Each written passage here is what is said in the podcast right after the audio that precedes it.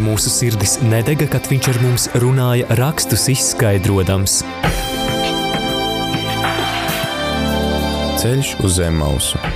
Lauzīsim kopā Dieva vārda maizi, iedziļinoties dažādos bibliskos tematos.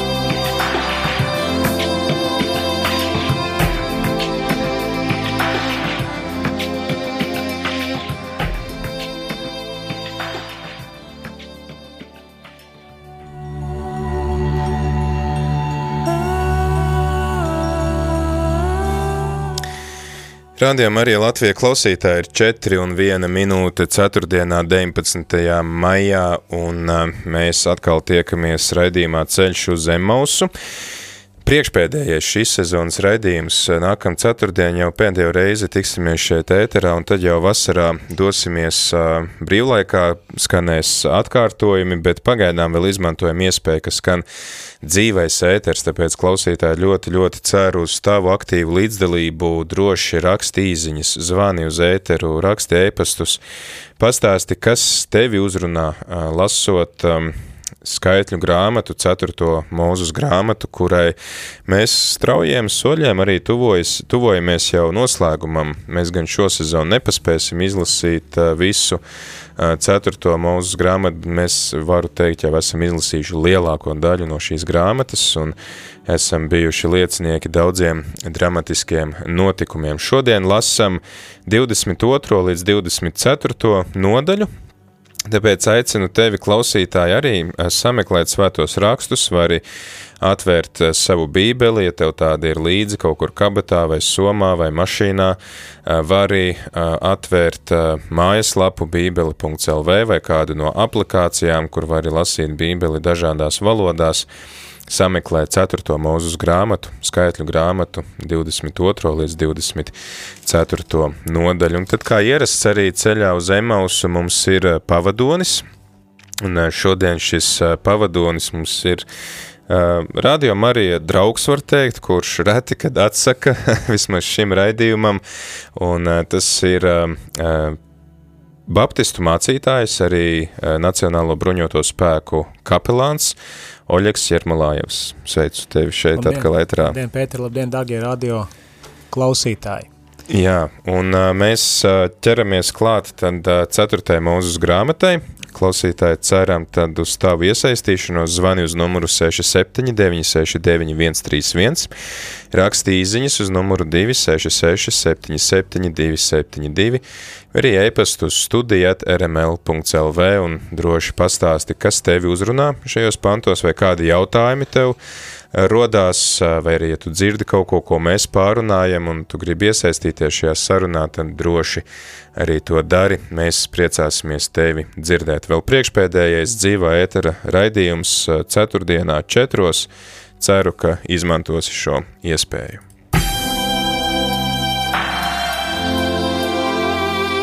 Vai mūsu sirdis nedega, kad viņš ar mums runāja, rakstus izskaidrojams? Ceļš uz zem mausu. Lauzīsim kopā Dieva vārda maizi, iedziļinoties dažādos bibliskos tematos.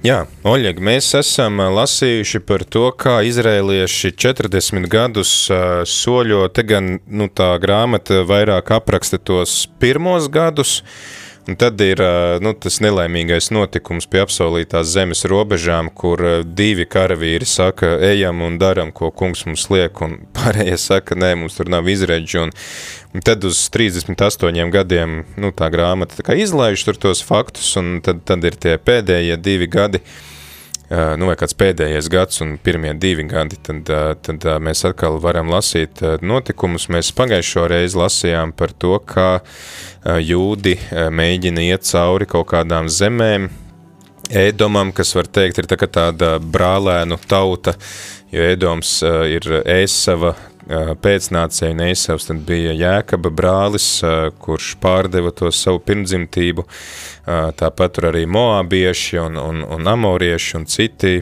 kas tur pretojās un nelaiž cauri. tagad tad izrēlieši iet apkārt Moabas zemē, un viņi sastopās, nu paši personiski ne, bet tur viņus novēro tāds balāks. Un varbūt tu vari mums īsi pastāstīt to kontekstu, kas ir balāks un, un ko viņš tur grib darīt ar tiem izrēliešiem.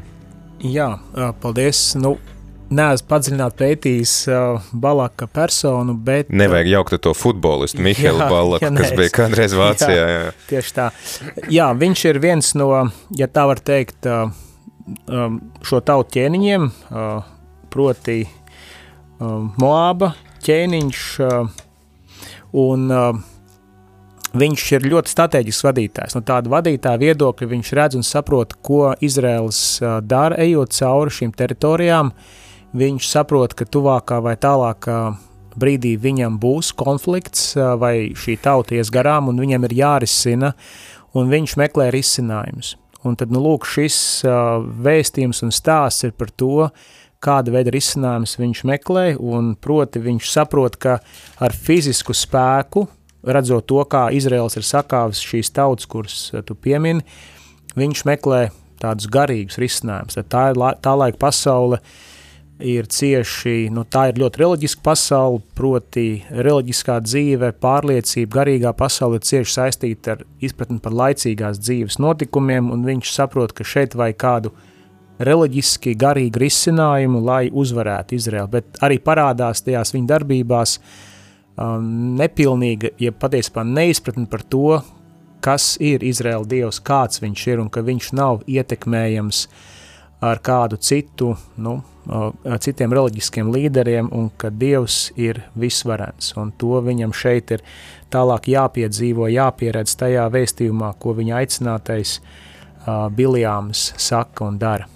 Jā, man liekas, te arī var redzēt to nu, tādu pirmatnējo izpratni arī par garīgo realitāti, ka mēs, nu, cik mēs samaksājam, vai izdarot kaut kādas pareizās rīcības, mēs tā kā varam ietekmēt arī Dieva plānus, Dieva gribu, Un šīs nodaļas mums arī tā ļoti uzskatāmi parāda to, ka nu, jūdeisms ienes jaunu domāšanas veidu, kaut arī Bilijāms nav jūts, tomēr viņš nu, šeit parādās kā tāds dievbīgs cilvēks, kurš parāda to, ka mūsu lūkšana neietekmē Dieva gribu, bet pieskaņojās Dieva gribai.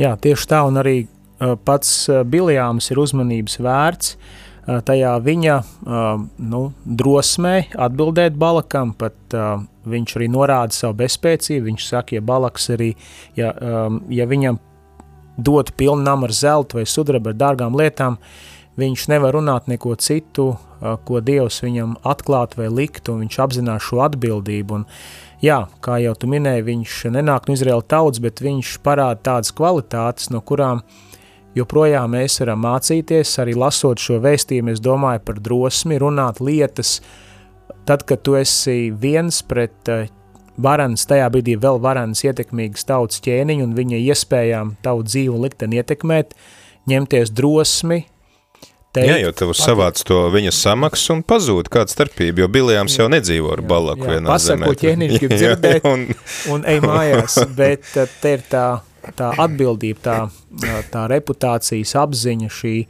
šī godprāta apziņa par to, ka tā nav vienkārši parunāšana par garīgumu, un tas arī parādās katra viņa vēstījuma sākumā, kur viņš apliecina to savu uh, mandātu, ka viņš ir kāds, kuram Dievs ir atvēris acis, un ka viņš at, nes šo atbildību, ka viņš ir ieraudzījis, sapratis, apzinās, un tāpēc viņš uh, ir atbildīgs runāt neko citu, neko vairāk, neko mazāk, neko no sevis klāt, neko pieskaņoti balakam, bet to, ko viņš ir saņēmis. Un tas, man liekas, arī ir tāds uh, aicinājums mums kristiešiem tā uzmanīgi vērtēt citu cilvēku spēju pazīt Dieva gribu, jo uh, Bilejāms nav jūts, viņš nepazīst, eh, varbūt, varbūt viņš ir, nu, tur tie stāsti, protams, kleju apkārt, viņš noteikti ir dzirdējis par Abrahamu un Īzāku un, un Jēkabu un, un par šīs tautas eh, notikumiem Ēģiptē, bet, eh, nu, viņš ir pagāns, ja, un tomēr šeit svētie raksti viņu, nu, piemin kā tādu paraugu, kā arī tu minēji ja, šajā nu, tādā cēlsirdībā, tādā viengabalainībā, nu, nemēģinot arī iegūt kaut kādu vieglu pēļņu vai ko, um, viņš uh, atpazīst Dieva gribu un to komunicē arī citiem. Pat tad, ja tas varbūt viņam nav, nav īpaši izdevīgi, un es domāju, ka arī mums kā kristiešiem ir diezgan, uh, pirmkārt jau skatoties uz citām konfesijām, arī uz citām reliģijām vai vispār uz neticīgajiem, ar tādu cieņu, ka arī viņi ir atvērti tai Dieva gribai un Dieva gribas ne tikai pazīšanām, bet arī izpildīšanām.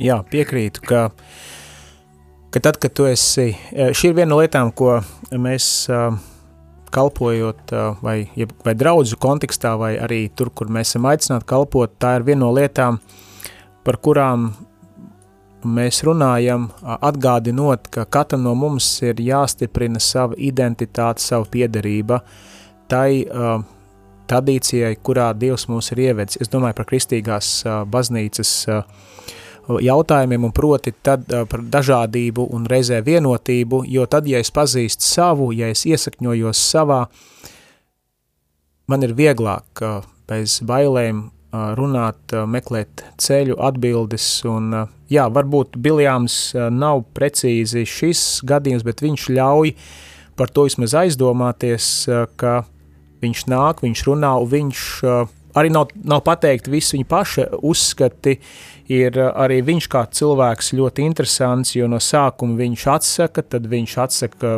atkal, bet tad viņš tomēr saņem to atļauj doties, un tas arī ir interesants moments, vai, vai tajā bija Dievs viņu pārbauda, viņš iet un lasam, ka Dievs sadusmojās par šo, un tad atkal interesants stāsts ir par uh, viņa ēzeli, Un uh, par to mēs svētdienas skolā mācāmies un dziedājām, un, un par to, kā tad šajā brīdī šie notik, notikumi attīstās.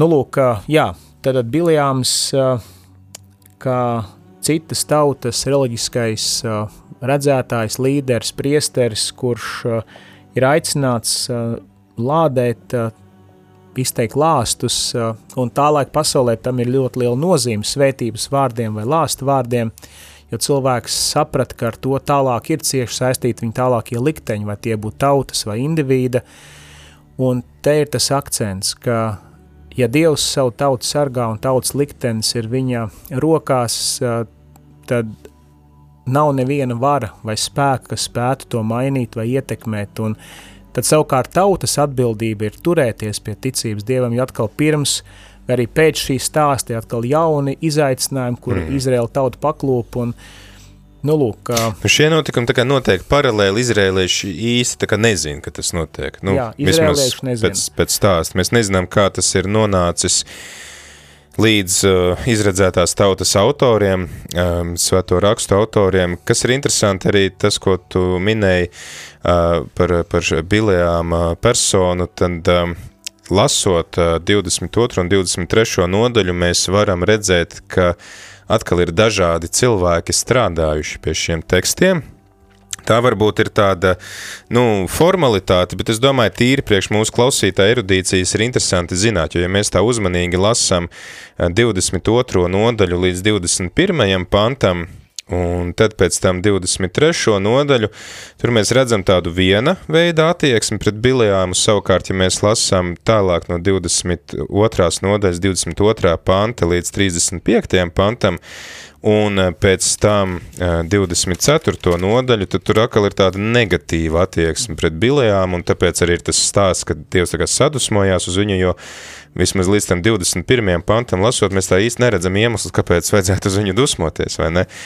Un eh, tas mums parāda vienkārši atkal to, ka svētie raksti nav kaut kāds tāds viengabalains uh, teksts nokritis kaut kur no debesīm, tas ir gadu, gadsimtu gaitā tapis dokuments, pie kā ir strādājuši kaut kādi redaktori, ir apkopotas dažādas šīs tradīcijas, parasti attiecībā uz nu, šīm mūzus grāmatām runā par divām vai trim tādām tradīcijām, kas tās ir veidojušas, tad, piemēram, šajās nodaļās mēs ļoti uzskatāmi to varam redzēt, kā, protams, ka varbūt mūsu nu, vēstījumam vai, teiksim, Dieva vārds uzrunā mūs arī bez šīm zināšanām, es domāju, ka mūsu klausītājiem tīri erudīcijas pēc, tad ir vērts salīdzināt to 22. nodaļu līdz 21. pantam, pēc tam no 22. panta, un tad atkal 23. un 24. nodaļu savā starpā, tā kā tāds fun fact. Paldies, Pēter, par šo, ka tas tiek pieminēts, un mēs ticam, Kristīgā baznīca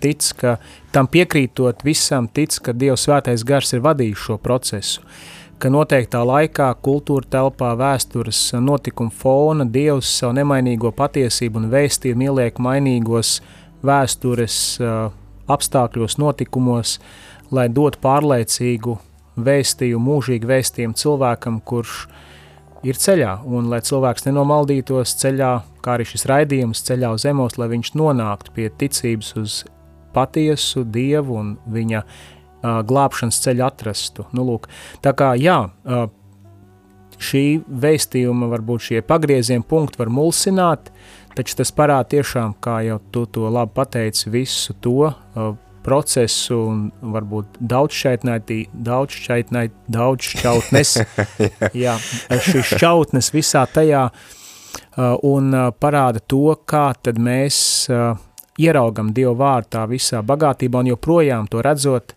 Dieva vārds ir mūsu autoritāte, un tajā mēs arī lasot vairāk kārt šo pašu visu vēstījumu šajā, šajās dienās, domājot un katru dienu to pārlasot, tik daudz lietas, katru reizi lasot, parādās, atklājās, liek pašam pārvērtēt sevi. Jau caur tām minētajām lietām, jautājot sev, vai man ir drosme, ja es lasu svētos rakstus un tos lasot, kādas lietas un vēstījumus, kas tur ir pateikts skaidri, vai tā drosme ir to pateikt, šo vēstījumu izdzīvot mm. šodienas laikā, kurā mēs esam tajos apstākļos, kur katram šķiet, nu jā, šī patiesība, kas ir man, ir pāri visam, un tad ar to, vai Dieva vārds ir tas, tas nemainīgais pāri visam, tas atskaits punkts, jo tie vilinājumi Dieva vārdu mainīt, ja nekur nav zuduši, ja, ja toreiz Biljāms gribēja, atvainojos, Balaks gribēja, gribēja kaut kādā veidā ietekmēt un domāja, ka Biljāmam ir šī vara, tad dažkārt arī šodien var būt mūsu sadzīvē ir savi balaki, varbūt tie ir sabiedrības procesi, atsevišķi cilvēki, lai kāds nāk, garīdznieks, varbūt pie, pie tevis, es atvainojos par šādu formalitāti, mm teikt, Pēter, nu, pasaka kaut ko šajā vai šajā situācijā, nu, piemeklē, pieskaņo kādu vēstījumu, lai tas iederētos tajā dzīves situācijā vai apstākļos, un tā ir šodienas baznīcas katra dieva kalpa atbildība, nevis skatīties uz to, ko es gribu dzirdēt, bet skatīties un teikt to, ko Dievs ir sacījis. Kas ir patiesība. Tas var pašam teicējam nebūt viegli, uh, tas var maksāt ļoti daudz, un vai šo cenu esam gatavi maksāt, vai, ne? vai sabiedrības atzinība, vai dieva vārda autoritāte un dieva atzinība. Jā, tā kā Jēzus arī saka vēlāk, vai ne, ka atzīstiet patiesību un tā jūs darīs brīvus, tas nenozīmē, ka tā vienmēr būs izdevīga. Vēl par to dažādu autoru vietu mēs ļoti uzskatām, piemēram, varam redzēt radīšanas stāstā pirmajās divās nodaļās radīšanas grāmatā, ka ir atšķirīgi šie radīšanas stāsti, bet, protams, vēstījums nemainās. Vienkārši tīri interesanti redzēt to, to, kā veidojas svētie raksti un kā mēs varam izsekot tam procesam. Par pašu Biljāmu man vēl arī runājot par to, ka viņš ir pagāns, kas atpazīst to Dieva gribu, man nāk tādas paralēles ar trim austrumu gudrajiem, kurus mēs arī tā uzskatām kā piemēru, bet viņi arī ir savu, iespējams, zoroastrisma, nu tie priesteri vai ne, bet atvērti cilvēki, kuri cenšoties izprast patiesību, nonāk pie tās dieva atziņas un pilda dieva gribu un, un visbeidzot nonāk arī līdz pašam, līdz pašam Kristum. Bet tad, tad īsumā, jā, šī 22. nodaļa ir par to, ka jūdu tauta tuvojas apsolītajai zemei, Balāks redz, kurš nu, tur pārvalda savu to teoriju, teritoriju, viņš redz, ka nu, tur var nākties vai nu laist viņus cauri, kas, protams, jebkuru, jebkuru valdnieku varētu biedēt eh, vai nu karot, nu viņš izvēlās tad iet šo ceļu, ka jānolāda tā tauta, lai viņiem nekas neveicās. Un tad viņš sūta pie Biljāma, kas eh, te piektajā pantā ir aprakstīts, kur viņš dzīvo, eh, Petorā pie upes, Mēs precīzi nevaram pateikt, kur tas ir, bet nu, vismaz tie komentāri, ko es atradu, runā, ka šī upe atrodas šobrīd starp Sīrijas un Turcijas robežām, tad vismaz mēs apmēram varam nojaust, no kurienes tas bilējāms iet, un Te tā tikšanās ar to balāku varētu būt kaut kur uz ziemeļiem no sarkanās jūras, uh, uh, Jordānas austrumu krastā, tad tur, kur ir tagadējā Jordānija, kaut kur, kaut kur tur apmēram, nu, tādas ir tās spekulācijas, un viņam tad tiek atnesta, es atvainojos, maksa, mēs 7. pantā varam lasīt, ka šie Moāba un Midiāna vecie iet pie viņu un nes viņam dāvanas, Un, jā, tad cer, ka ar šīm dāvanām viņi var nopirkt to, nu, sev izdevīgo pravietojumu, svētību vai lāstu. Ja mēs atšķirsim pirmās Samuēla grāmatas 9. nodaļas 7. pantu vai pirmās ķēniņu grāmatas 14. nodaļas 3. pantu, tad mēs redzēsim, kāda ir bijusi tajā laikā tāda standarta cena. Uh, ko maksā šiem gaišraģiem, jo, piemēram, pirmā Samuela grāmatā tur saules uh, sūta vai ne, vai tur pēc tam ķēniņu grāmatā, tad, jā, piemēram, ķēniņu 14.3 mēs varam lasīt, ka ja tātad desmit maizes cepumi, medus trauks ir tas, ko viņi nes, tur sa saula gadījumā tur vēl tiek ceturdaļa šeķeļa sudraps tiek nests, šim pravietim, nu, no kura tad tā kā būtu jānopērk. Te arī viņa 8. pantā tur pienes upurus un klausās, ko tad Dievs Bilējāmam teiks. Tā ir tāda tipiska tuvo austrumu attieksme vispār pret reliģiozitāti un attiecībām ar Dievu. Un tad ir, jā, tas interesantais stāsts, ko tu jau pieminēji, dziesmās bērniem stāsta par Bilējām ezeļmāti, ka pat Tad kā tas stāsts būtu jāsaprot, ka pat dumšs ēzelis saprot, ka tu nevari iet pret Dieva gribu, vai, vai kā mēs to stāstu varam saprast?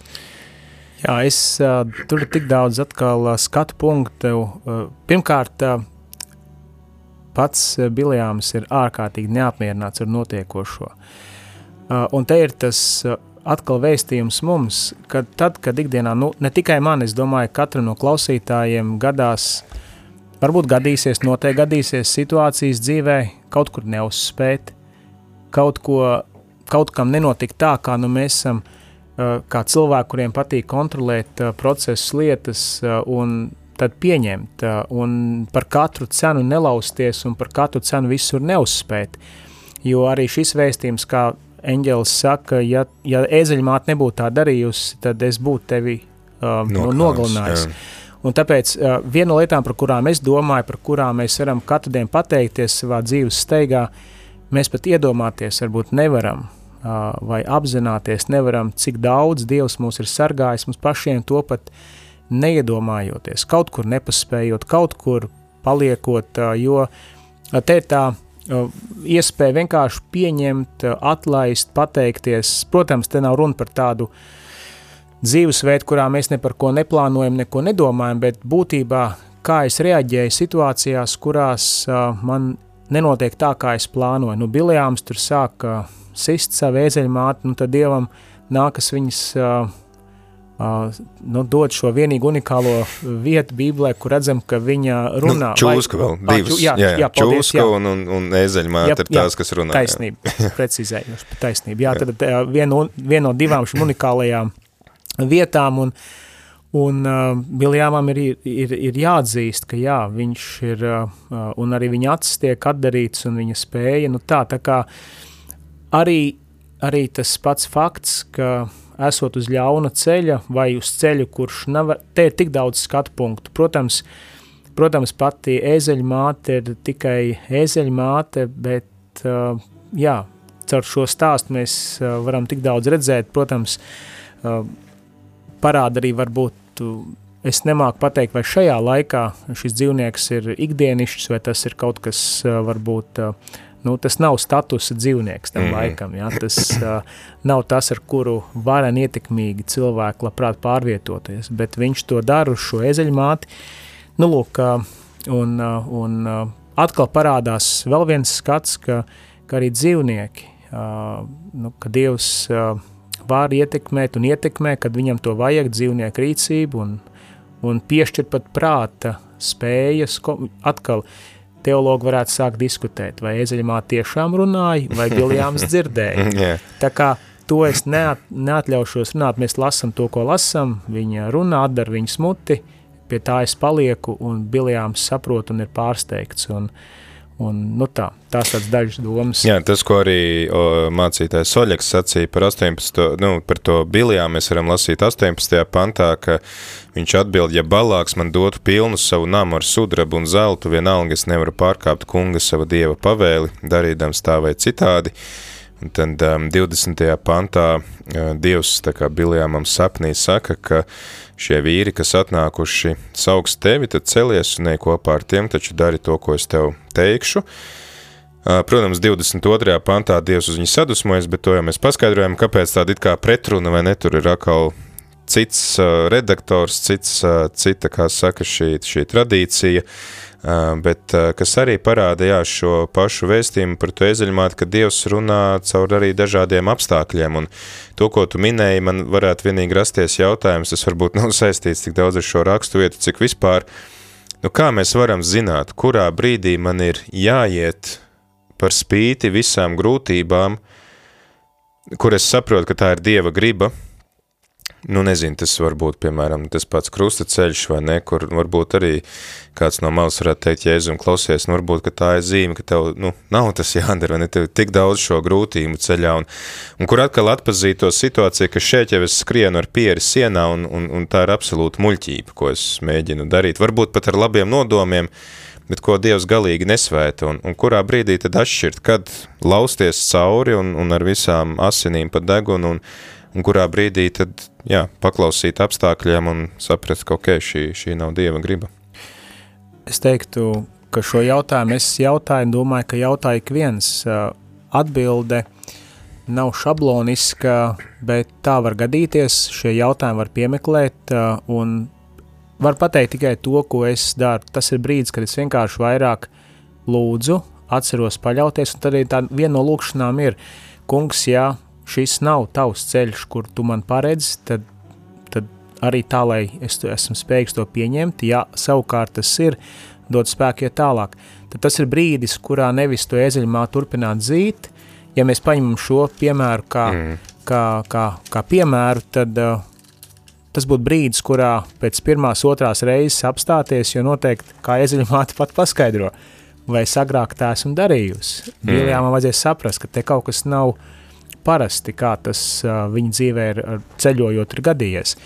Tāpēc es priekš, priekš sevis, un ja mēs varam to paņemt kā atgādinājumu katrs, tas ir brīdis nevis vienkārši uh, turpināt, bet uz mirkli apstāties, ne tikai ikdienas plānotajā laikā, bet tajā brīdī, kad tas notiek, vienkārši paļauties lūkšanai, uzticēties tālāk Dieva vadībai, un arī varbūt kāds jautājums sev vēlreiz pajautāt, kāpēc es tur dodos, kāpēc man tas ir svarīgi, lai tiešām pārbaudītu paši sevi, un varbūt tas ir tas veids atkal, kad caur šo pašpārbaudi, kā varbūt kādreiz senie latvieši teikt, sirds izmeklēšanu, vai arī to kādā baznīcidē mēdz teikt, pārbaudīt to savu ceļa virzienu, nodomu motīvus, un tad arī caur šo pārbaudu, lūkšanu, svēto rakstu iedrošinājumu, tad saprast, jā, mm. ja es mm. ieraugu kaut ko, kur varbūt man pašam ir bijis svarīgi kaut ko parādīt sevi, vai, vai es meklēju savas lietas, savas ambīcijas piepildīt, kā vārdā es eju, kā vārdā es pūlos, kā vārdā.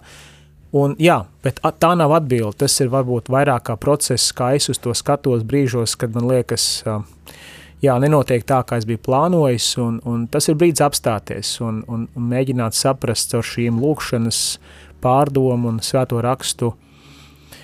Un arī kopiena, jā, mēs, teiksim, jā, apustuļu darbus jā. lasām, tad mēs arī redzam, ka Dieva gribas atpazīšanā ļoti vērtīgi ir kopiena. Vien, protams, svētie raksti, bet svētie raksti, ko es lasu kopā ar citiem brāļiem, māsām, un tad mēs atpazīstam to Dieva gribu, un Tas man arī sasaucās ar to procesu, kam šobrīd iet cauri katoļu baznīca, šī sinode, kurā ir aicināts iesaistīties ik viens, ja?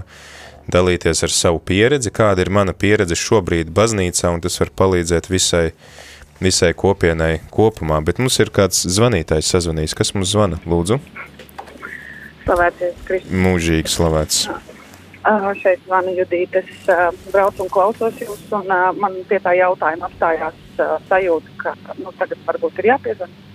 Uh, par, to, par to jautājumu, ko jūs uzdevāt uh, mūsu viesim, man liekas, ka, ka mums uh, sirdī Dievs uh, blakus šī, šai lūkšanai, kas ir nu, nemitīgi mūsu dzīves uh, sastāvdaļa un būšanai kopienā, man liekas, ka uh, mūsu sirdī ir tā sirdsapziņas uh, kompass, kurš uh, mums uh, norāda virzienu, uh, pat ja apkārt ir grūtības un es cīnos, un mana adatiņa iekšā tā kompass, tas kompass saka, uh, ka nevajag, bet es turpinu cīnīties.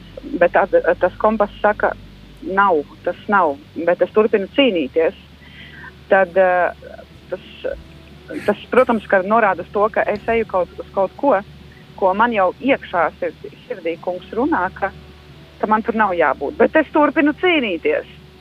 Mm. Un otrādi, kad es turpinu cīnīties, man iekšā šķietami klusē. Un es turpinu cīnīties, un es nevaru kā izskaidrot, kāpēc man iekšā klusē, bet man ir sajūta, ka man ir jācīnās.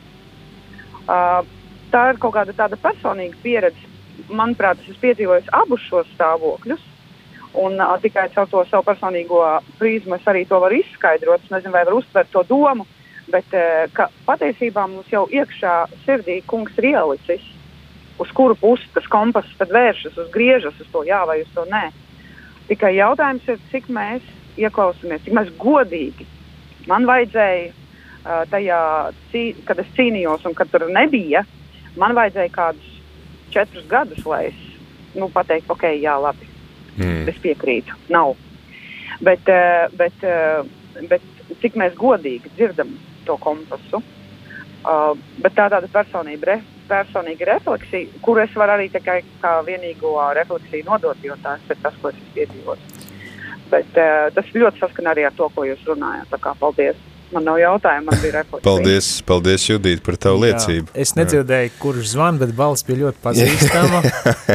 paldies uh, par šo teikto. Oļeks nodev sveicienu. Jā. Jā. Uh, Judīt, paldies tev. Uh, jā, tu minēji, pirmkārt, ja es varu atkal pie šī runāt, pirmais ir, protams, šī ir mūsu katra attiecība ceļš ar Dievu, tad tam ir jābūt.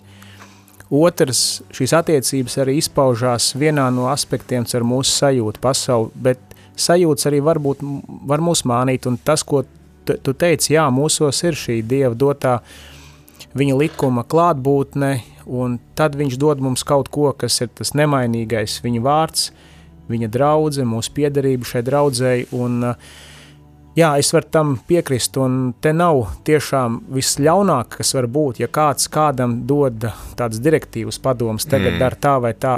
Katram šajā brīdī, kur viņš saskarās ar šo iekšējo sajūtu, ar šiem meklējumu procesiem, atbildes jautājumu, tas ir brīdis, un to es arī saklausīju, un tas ir tas, kam es arī varu pievienoties. Mēs meklējam iedrošināt šīs attiecības stiprināt ar Dievu un būt uh, ciešākā vienībā ar tiem, kas arī meklē Dievu, un tad mēs šo iespēju kļūdīties pastāv vienmēr, bet Protams. mēs mazinām mm. šo iespēju kļūdīties. Man, tas, ko Judīte arī sacīja, tā viņas personiskā pieredze atklāja kādu ļoti svarīgu aspektu, vismaz katoliskās baznīcas mācībāks, ir arī katehismā pierakstīts, bet es domāju, jebkura konfesija to tam piekritīs, uh, ka tā katra cilvēka vissvētākā vieta ir viņa sirdsapziņa. Vienalga ticīgs vai neticīgs. Protams, mēs varam teikt, ka sirdsapziņa var būt maldīga un viņa ir jāaudzina, tas, protams, bet eh, tā ir vissvētākā vieta, kurā mēs izdaram tos savus lēmumus un kur mēs sastopam Dievu. Un eh, tāpēc arī, piemēram, baznīca vienmēr iestāsies par šo uh, sirdsapziņas brīvību jebkuram cilvēkam, uh, rīkoties saskaņā ar viņa sirdsapziņu, un, un pat ja es uh, spiežu kādu it kā darīt labu lietu, nu kaut vai, nezinu, kļūt par to pašu kristieti, bet tas liek viņam iet pret viņa sirdsapziņu, to nedrīkst darīt. Un, un paldies tev, Judīt, par, par šo Jā, dalīšanos. Paldies par zvanu. Jā, tad uh, droši klausītāji, tu vari arī pievienoties Judītei, vari zvanīt šeit uz ēteru uz numuru 67969131, Var arī rakstīt īziņas uz numuru 266 77 272, rakstīt e-pastu studijā trml.lv, kas tevi uzrunā šajā tekstā, vai arī tas, ko tu šeit dzirdi, un varbūt līdzīgi kā Judīta gribi padalīties ar savu pieredzi, ar savu stāstu, priecāsimies to dzirdēt, un tas arī bagātina mūs, kas esam šeit pie mikrofona studijā.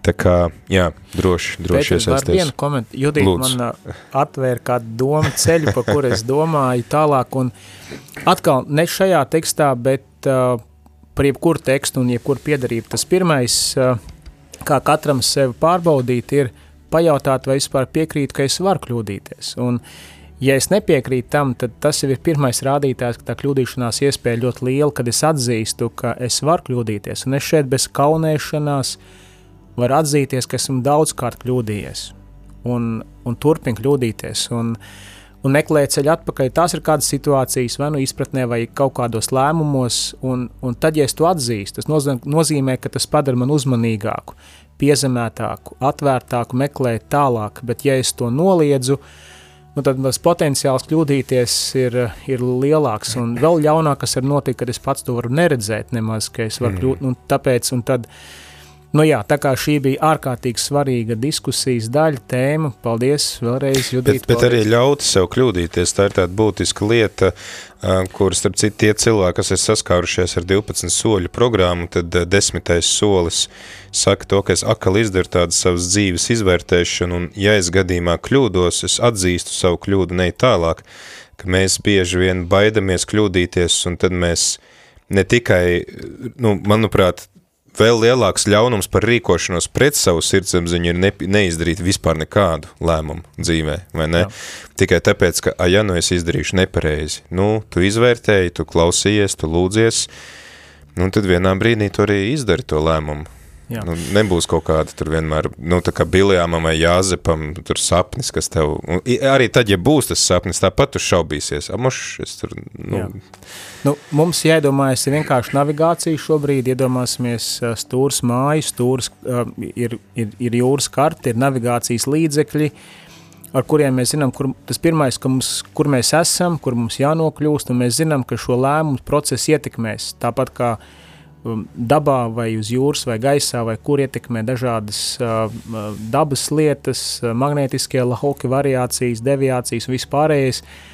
Tāpat arī mūsu dzīve ietekmē pilnīgi jebkas, uh, taču vēlreiz, Dievs mums dod savu vārdu, Viņš mums ir devis uh, sevi, uh, mums Viņš ir devis savu svēto garu, Viņš ir devis draudzes vidi un pieredzi un baznīcu, kā kā, kā garīgās mājas šeit, ceļu posmā. Tāpēc tas nav vienkārši, ja kādreiz mēs draudzē dzirdam, tas nav kontrols jautājums, kad garīdznieki vai priesteri runā par draudzes pied, par piedarību draudzē vai par to, ka ir vajadzīgs lasīt svētos rakstus, ir drošības jautājums. Tas ir šis jautājums, lai mēs esam pasargāti um, un būt kopā ar tiem, kur mēs varam jā, Tāpēc vide mūs ietekmē, un svarīgi ir tas, kur mēs esam. Un to arī Pāvils, citējot kādu no grieķu domātājiem, arī atgādina, ka ļauna sabiedrība samētā labas tik. Nu, tas ir cits virziens, kurā mm. iet šajā brīdī, bet vēlreiz Dievs mums dod sevi un visu, ko viņš ir teicis,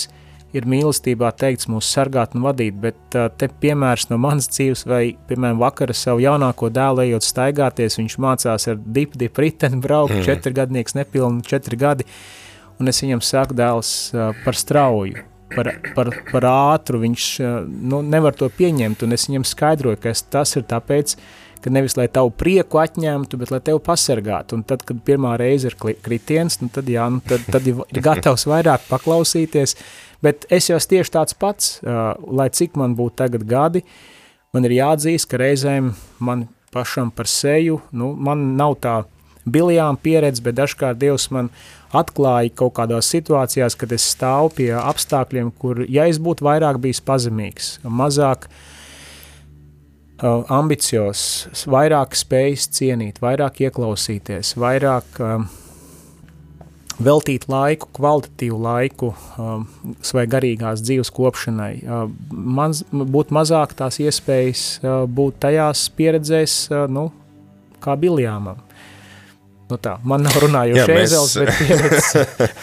mēs, mēs esam tā, bet tas ir labi, mēs, mēs varētu vēl attīstīt dažādas virzienus, kur iet, un, un es atkal tevi klausoties atcerējos, ka pirmkristiešu kopienu tiek raksturota ar to, ka viņi pastāvēja uh, savstarpējā sadraudzībā, kopīgā lūkšanā, maizes laušanā un uzticībā apustuļu mācībai, ka tad šie, šie četri elementi ir tie, kas arī tad palīdz vienmēr not, noturēt to fokus. Protams, var kļūdīties. Mēs redzam, ka apustulis ā, Pēteris kļūdījās un Pāvils viņam tur aizrādīja un tā, bet tomēr kop, kopīgi šie, šie pieņemtie lēmumi un kopīgi tas uzturētais virziens tad ir tas, kas arī palīdz mums saklausīt to Dieva gribu, un tāpēc klausītāji arī mums ir tik svarīgs šis sinodālais ceļš, kuru, kuru šobrīd baznīca iet.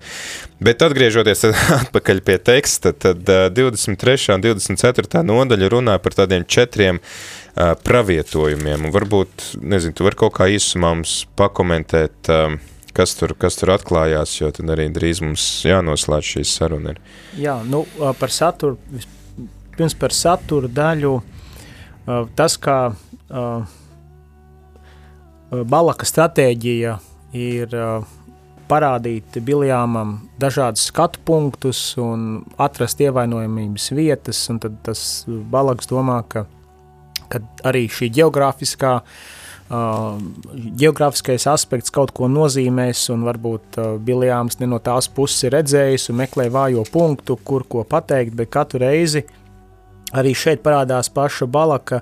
Tad Tā. viena piezīme, kas Jā. ir interesanti, ka viņš rāda daļu tautas ar Jā. domu, ka varbūt, nu redzot, redz, cik viņi niecīgi, nu tad varbūt arī viņus tā viegli tur var, Jā. Jā. Un viņš meklē šo vājo punktu, bet tad katru reizi uh, Biljāms, uh, jā, vismaz pirmās dažas reizes viņš liek uzcelt septiņus altārus un sagatavot upuri, un upurēšana notiek, un tad viņš šo vēstījumu saka, un šie vēstījumi iesākās ar šo atbildību, ka viņš to runā kā tāds, kurš ir saņēmis uh, spēju redzēt, izprast, un tad viņš šos svētību vārdus izsaka nebaidoties. Un tie ir svētību vārdi, izteikti varbūt nu, prozas vai dzējas, nemācējuši pateikt, bet tie ir pateikti ar to norādi, ka, ka, ka Dievs svētīs šo tautu, ka Dievs viņu sargā un ka tur uh, jebkura uh, šī pretestība, ietekmēšana ir bezspēcīga un, un atkal balaks to redzot, meklē jaunus veidus, kā, kā šo ietekmēt, un, un viņam ir jāatzīstās, ka beigās, ka tas nav, un arī beigās viņu paša vēstījums par viņu pašu, kur ir šis vēstījums par sodu, vai par, par postu, viņa paša tautai nākotnē tiek pateikts.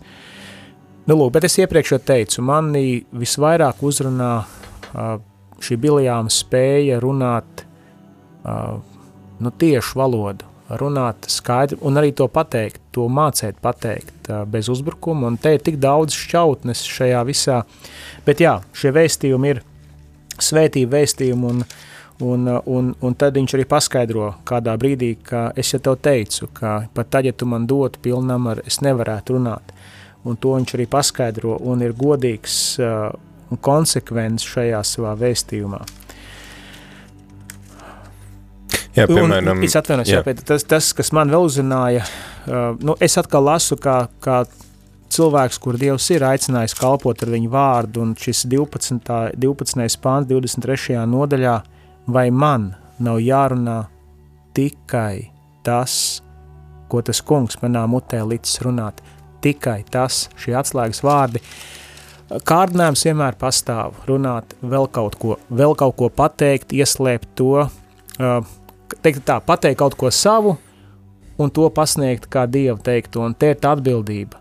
Pazīt Dievu vārdu, pašam būt attiecībās ar viņu un runāt tikai to, kas ir saskanīgs ar Dieva prātu, un te ir atkal katram jāapzinās, ja tu runā, tad jautājums, vai tu runā to, ko Dievs tev ir devis.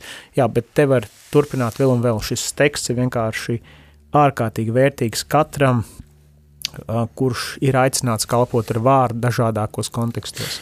Jā, un uh, katrs arī klausītājs var pārlasīt šo 23. un 24. nodaļu, uh, kur ir šie svētības vārdi, kur, uh, jā, Balāks mēģina pierunāt, uh, teikt, lāsta vārdus, piemēram, uh, 23. nodaļas 9. 10. pants arī atsauce uz radīšanas grāmatu, piemēram, 15. nodaļu, 28. nodaļu, kur Abrahamam tiek teikts, paskaties debesīs, cik daudz tu redzi zvaigznes, tik, tik daudz tev būs pēcnācēji, šeit Biljāms arī saka, kas saskaitīs Jēkabu kā putekļi, un to, cik daudz Izrēla vien ceturdaļā, ja, ka tas uh, Tad, tad um, arī apsti, Dievs caur šo nu, pravieti apstiprina jau iepriekš uh, dotos, uh, dotos solījumus, un uh, viņš arī nekautrējās šim, šim valdniekam arī sniegt to liecību, kas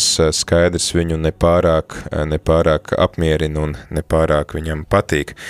Tā kā tāds, tāds ir šis stāsts, kuru mēs varam šodien iepazīt, kuru klausītāji arī droši jūs varat pārlasīt un pārdomāt, meditēt. Jā, Oļeg, varbūt noslēdzot, tad tāds tavs kopsavilkums, kā mēs varam atbildēt šim vārdam ar savu, tu jau izteici vairākus tādus, nu arī gan tiem, kam ir jākalpo ar vārdu skaidrošanu, teiksim, jā, rezumējot, kas tev liekas tās galvenās atziņas, ko mēs varam pārņemt kā savu attieksmi, lai izpildītu šo Dievu vārdu, ko mēs šodien dzirdējām?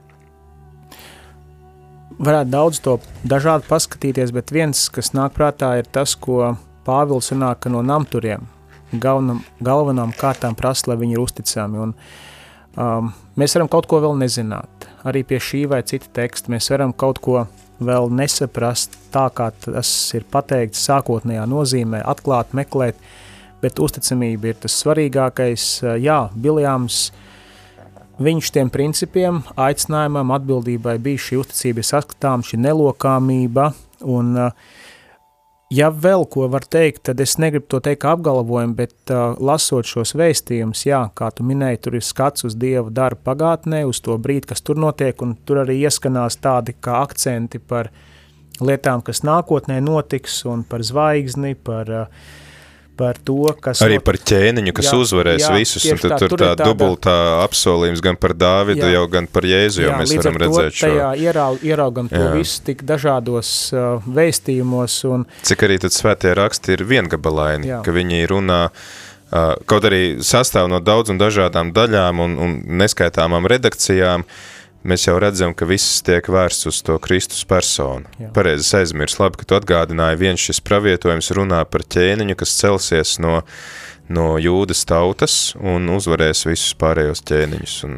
protams, jūdi to saprata par Dāvidu, bet mēs kristieši tur jau redzam Kristus tēlu. Jā, un noslēgumā sev un katram mums atgādināt būt uh, piederīgam Dieva tautai, nu jau jaunās darības uh, izpratnē, būt uzticamiem viņam savā dzīves ceļā, būt kopā ar viņu, nenovēršoties no viņa, sekojot viņam mīlestībā un pazemībā, un, ja savukārt esot šajā ceļā tiekam aicināt kalpot, tad arī, kā jau iepriekš minēju, šīs kvalitātes, kurās izsakās šī kalpotāja attieksme pieeja lietām, to mēs varam mācīties, šo godprātu, šo gatavību runāt, drosmi, pateikt, bet nevis lai kaut ko pierādītu, bet būt par vēst liecinieku, apliecinot, jo arī jaunā darība mums dod tās vadlīnijas, nevis kādam kaut ko pierādīt, bet apliecināt, jo svētais gars ir tas, kurš tālāk pārliecina, mēs apliecinam, mēs liecinam, mēs nesam vēsti šodienas sabiedrībai par Dievu, kurš kontrolē tautu likteņus, kurš vada atsevišķu cilvēku dzīves un kuram vienmēr pagātnē, tagadnē un nākotnē piederēs pēdējais vārds. Un tā ir tā drošības sajūta mums palikt viņam uzticamiem, ka tas nav kaut kas tāds, kas ir mainīgs. Mums ir šis drošais, mūžīgi nesaticināmais pamats, kuram varam droši uzticēt savu dzīvi, savu tagadni, nākotni un arī mūžību, caur Jēzus Kristu. Un pat ja arī citi grib mums likt šķēršļus, nu līdzīgi kā šeit Balāks, kurš grib, nezinu, uzlikt to lāstu, kaut kādas nelaimes uzsūdīt par spīti tam, Nu, Jā. Dievs tomēr to savu uzņemto kursu vienmēr. Un te ir vieta sarunā arī nākotnē kādā no radījumiem par, par māņticību, jo šodien arī cilvēki dažkārt saka, jā, tur kaut kas notiks, man tur kaut ko pateiks, manā pastorālajā pieredzē dažkārt cilvēkiem ir jāatgādina, tava ticība Kristum, tās priekšā var, nu, ja tā var atļauties teikt, ja, ja var visi vēlni sazvērēties, jā, tad, ja tu esi Kristu, ja tu esi šajā ceļā, tad, nu, tad nav tāda vara, kas varētu Dieva lemto ietekmēt vai mainīt. Pāvils saka, kas tad būs pret mums, ja Dievs jā, ir ar mums, jā. vai, vai zobens, vai, jā. Un Kristus saka, neviens jūs neizraus no manas rokas, tad šī drošības sajūta Dievā, Kristū, hmm. un mums tajā ir jāpaliek, ar to ir jādzīvo, tajā jāsakņojās, kā arī Pāvils nāk par iesakņošanos, stipru augšanu, dažādos šajos aspektos, un, un, un, un, un ļaut, lai Dievs veido mūsu raksturu viņa dēla Kristus līdzībā. Jā, liels, liels paldies! Uh tev, Oļeg, paldies un paldies arī Judītai par iesaistīšanos, par to, ka padalījās ar savu pieredzi, atpazīstot šo Dieva gribu un klausoties sirdsapziņā, manuprāt, tā ir tāda vērtīga lieta, kas varbūt tiešā veidā tā neizkristalizēs, bet es domāju, ļoti, ļoti vērtīgs, vērtīgs padoms un tik tiešām arī ļaut nu, katram klausīties tajā savā sirdsapziņā un izpildīt to Dieva gribu, Protams, ka tas nav viegli un kādreiz mēs kļūdamies, bet lai kļūdas mūs, nu, kā saka, neatņem drosmi turpināt to darīt, turpināt izšķirt un atpazīt to Dieva gribu, Dieva balsi un tai uzticīgi arī sekot.